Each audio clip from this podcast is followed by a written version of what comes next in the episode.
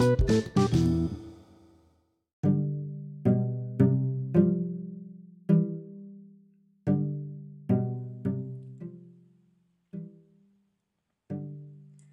semua, gimana nih kabarnya? Semoga baik-baik saja ya, amin. Kembali lagi dengan aku di podcast. Oh ya, sebelum kita sharing-sharing lagi, aku mau memperkenalkan diri lagi ya, biar kalian tidak lupa dengan aku. Langsung saja, perkenalkan nama aku Cecilia Yuliani. Aku mahasiswi ilmu komunikasi di Universitas Muhammadiyah Surakarta. Podcast kali ini masih sama kayak kemarin, tetapi ini untuk memenuhi tugas ujian akhir semester 3 dalam mata kuliah pengantar penyiaran yang diampu oleh Bapak Fajar Junaidi selaku dosen mata kuliah. Yuk langsung saja dengarkan podcastku ya tentang segmentasi, targeting, positioning, formatting, dan programming dalam dunia penyiaran. Yang pertama, aku akan membahas tentang segmentasi. Kalian tahu nggak sih apa itu segmentasi? Jika kalian tidak tahu, simak baik-baik ya. Menurut Haji Jaslim Saladin SE dalam bukunya Dasar-dasar Manajemen Pemasaran, segmentasi adalah proses dari keseluruhan pasar yang heterogen untuk suatu produk atau jasa dibagi dalam beberapa segmen setiap segmennya cenderung serupa dalam seluruh aspeknya. Segmentasi menjadi hal yang penting dalam pemasaran media. Pemasaran yang baik dimulai dari penentuan target khalayak. Teman-teman tahu nggak sih tentang segmentasi khalayak? Segmentasi khalayak itu merupakan suatu strategi untuk memahami struktur khalayak pada media penyiaran, pemahaman tentang segmentasi khalayak juga penting. Jika penyiaran tidak mampu membaca segmentasi khalayak yang hendak dibidik, maka bisa dipastikan media tidak mampu bersaing dengan media penyiaran yang lain. Untuk memudahkan segmentasi khalayak, ada beberapa dasar nih teman-teman. Yang pertama, segmentasi demografis yang didasarkan pada data-data kependudukan seperti usia, jenis kelamin, pekerjaan, suku bangsa, pendapatan, pendidikan, agama, ras, dan sejenisnya. Selanjutnya, segmentasi geografis didasarkan pada wilayah kota atau urban, pinggiran kota atau suburban, dan pedesaan atau rural. Dan yang terakhir, ada segmentasi behavioral didasarkan pada beragam variabel yang berkaitan dengan perilaku khalayak yang umumnya adalah status, tingkat sosial, purkal association, dan benefit shock. Segmentasi geografis bisa dibarukan dengan segmentasi demografis yang dinamakan sebagai segmentasi geodemografis. Segmentasi ini meyakini bahwa mereka yang memiliki tempat tinggal di lokasi geografis yang sama cenderung dengan memiliki karakter-karakter demografis yang serupa. Namun, tempat tinggal mereka harus sesempit mungkin, seperti kawasan perkotaan dan pemukiman elit. Contohnya, keberhasilan segmentasi dalam saluran televisi satelit Disney.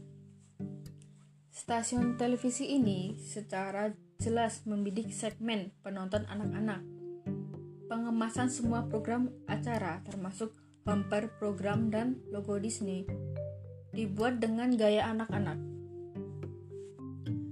Disney berhasil memuaskan kebutuhan anak-anak sehingga saluran televisi satelit ini tetap menjadi favorit anak-anak walaupun muncul saluran televisi lain. Bahkan Disney tetap dinikmati oleh usia di atas anak-anak. Selanjutnya aku mau bahas tentang targeting khalayak media. Kalian tahu nggak sih targeting media itu apa? Targeting bisa diartikan sebagai target khalayak, yaitu persoalan bagaimana memilih menyeleksi dan menjangkau halayak. Tahap targeting dilakukan setelah institusi atau perusahaan media melakukan pengidentifikasian beragam segmen sebagaimana yang tersebut sebelumnya. Setelah identifikasi dilakukan, perusahaan melakukan kajian atas segmen tersebut dan kemudian dipilih segmen yang menjadi sasaran. Segmen yang menjadi sasaran inilah yang disebut dengan targeting. Dalam proses penentuan target, media dapat melakukan beberapa pilihan model targeting yaitu konsentrasi pada segmen tunggal. Lalu ada spesialisasi secara selektif, ada spesialisasi produk, ada spesialisasi market, dan jangkauan semua pasar. Contohnya dari targeting ini adalah pada tahun 2008 sampai 2012-an harga bunga melesat tajam. Maka pada era ini terbitlah tabloid-tabloid tanaman bunga yang ditunjukkan untuk pembaca penggemar bunga. Target ini adalah konsentrasi pada segmen tunggal. Berikutnya aku akan membahas tentang positioning. Positioning yaitu bagaimana strategi untuk memasuki otak konsumen. Menciptakan perbedaan atas media lain dan sekaligus membangun manfaat media bagi khalayak menjadi dua konsep penting dalam positioning media. Untuk menciptakan perbedaan dengan media lain, perusahaan media dapat melakukan riset pada merek media yang sudah ada serta merek media yang dimungkinkan akan eksis. Kredibilitas media menjadi hal yang penting dalam positioning. Kredibilitas bisa dibangun dengan pengemasan media secara profesional jaminan atas tersedianya akses media dan layanan media pada khalayak agar tertanam pada pikiran khalayak mengenai citra positif dari merek media. Positioning dalam media dilakukan dengan berbagai tahap. Yang pertama, identifikasi target khalayak. Yang kedua, menciptakan perbedaan dengan media lain. Yang ketiga, menciptakan keunggulan media. Keberhasilan media melakukan positioning menjadi kunci dalam rangka menjangkau dan memenuhi kebutuhan khalayak pada media. Contohnya, pernyataan positioning sekaligus menjadi tagline dalam media adalah RCTI dengan menyatakan RCTI oke okay, atau SCTV dengan pernyataan satu untuk semua. Yang selanjutnya aku akan membahas tentang formatting tentang bagaimana format acara dari suatu media tersebut. Dalam dunia radio formatting adalah penetapan format stasiun siaran yang sekaligus menjadi identitas radio formatting merupakan image untuk membedakan radio tersebut dengan radio siaran lainnya menurut Halim Format yaitu bentuk acara yang disesuaikan dengan positioning dan segmentasi. Format meliputi format lagu, kemasan cara gaya siaran, dan lain sebagainya.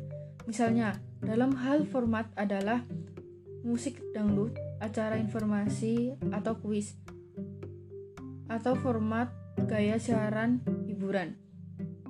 Setiap stasiun radio memiliki format yang berbeda-beda. Jadi semua stasiun radio itu memiliki format yang berbeda-beda ya teman-teman.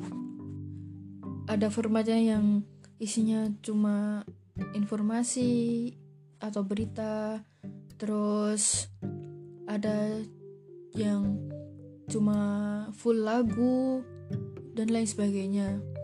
Terus yang terakhir aku akan membahas tentang programming. Programming sendiri dapat didefinisikan sebagai suatu kegiatan atau pekerjaan penyusun program-program secara sistematis dan terjadwal untuk terselenggaranya kegiatan siaran baik radio maupun televisi. Ternyata programming antara televisi dan radio berbeda teman-teman dan memiliki tujuan yang berbeda juga ini. Penyusunan program dapat dilakukan berdasarkan pola harian, mingguan, bulanan, bahkan tahunan. Menurut Effendi, istilah programming itu pendistribusian waktu siaran atau penataan acara siaran. Menurut Effendi, programming adalah pendistribusian waktu siaran atau penataan acara siaran. Pada umumnya, pihak perencanaan siaran mengatur jadwal penayangan suatu program televisi berdasarkan pemikiran kecenderungan menonton peminat program tersebut. Programming dianggap sangat penting karena menentukan keberhasilan tidaknya sebuah program meraih audiens dalam jumlah yang besar. Programming bisa dianggap sebagai perangkat ringan yang digunakan untuk menarik perhatian audiens pada segmentasi yang dituju. Kemampuan stasiun radio dan televisi menarik audiens untuk mengkonsumsi program-programnya akan menentukan kesuksesan suatu stasiun radio dan televisi yang bersangkutan. Dalam kegiatan programming, yang penting adalah tujuan dari programming yang disusun. Contoh programming dalam dunia radio yaitu sebuah stasiun radio membuat program acara talk show yang semenarik mungkin agar dapat menarik perhatian audiens. Program tersebut bisa disiarkan secara langsung atau interaktif dan atraktif yang ditambah lagi dengan sifat yang menghibur. Jadi jadinya uh, dalam program acara talk show itu ada hiburan biar nggak bosen. Jadi itu saja materi yang saya bahas pada podcast kali ini ya teman-teman. Semoga bermanfaat untuk kalian semua yang mendengarkan podcastku ini ya. Terima kasih yang sudah mendengarkan podcastku. Mungkin kalau ada kekurangan dan kelebihan dari materi tersebut dan apabila kalau ada perkataan aku yang tidak benar saya pribadi mohon minta maaf ya teman-teman. Dan semoga kalian setia mendengarkan podcastku. Sekian saya sesi Haga pamit undur diri. See you teman-teman.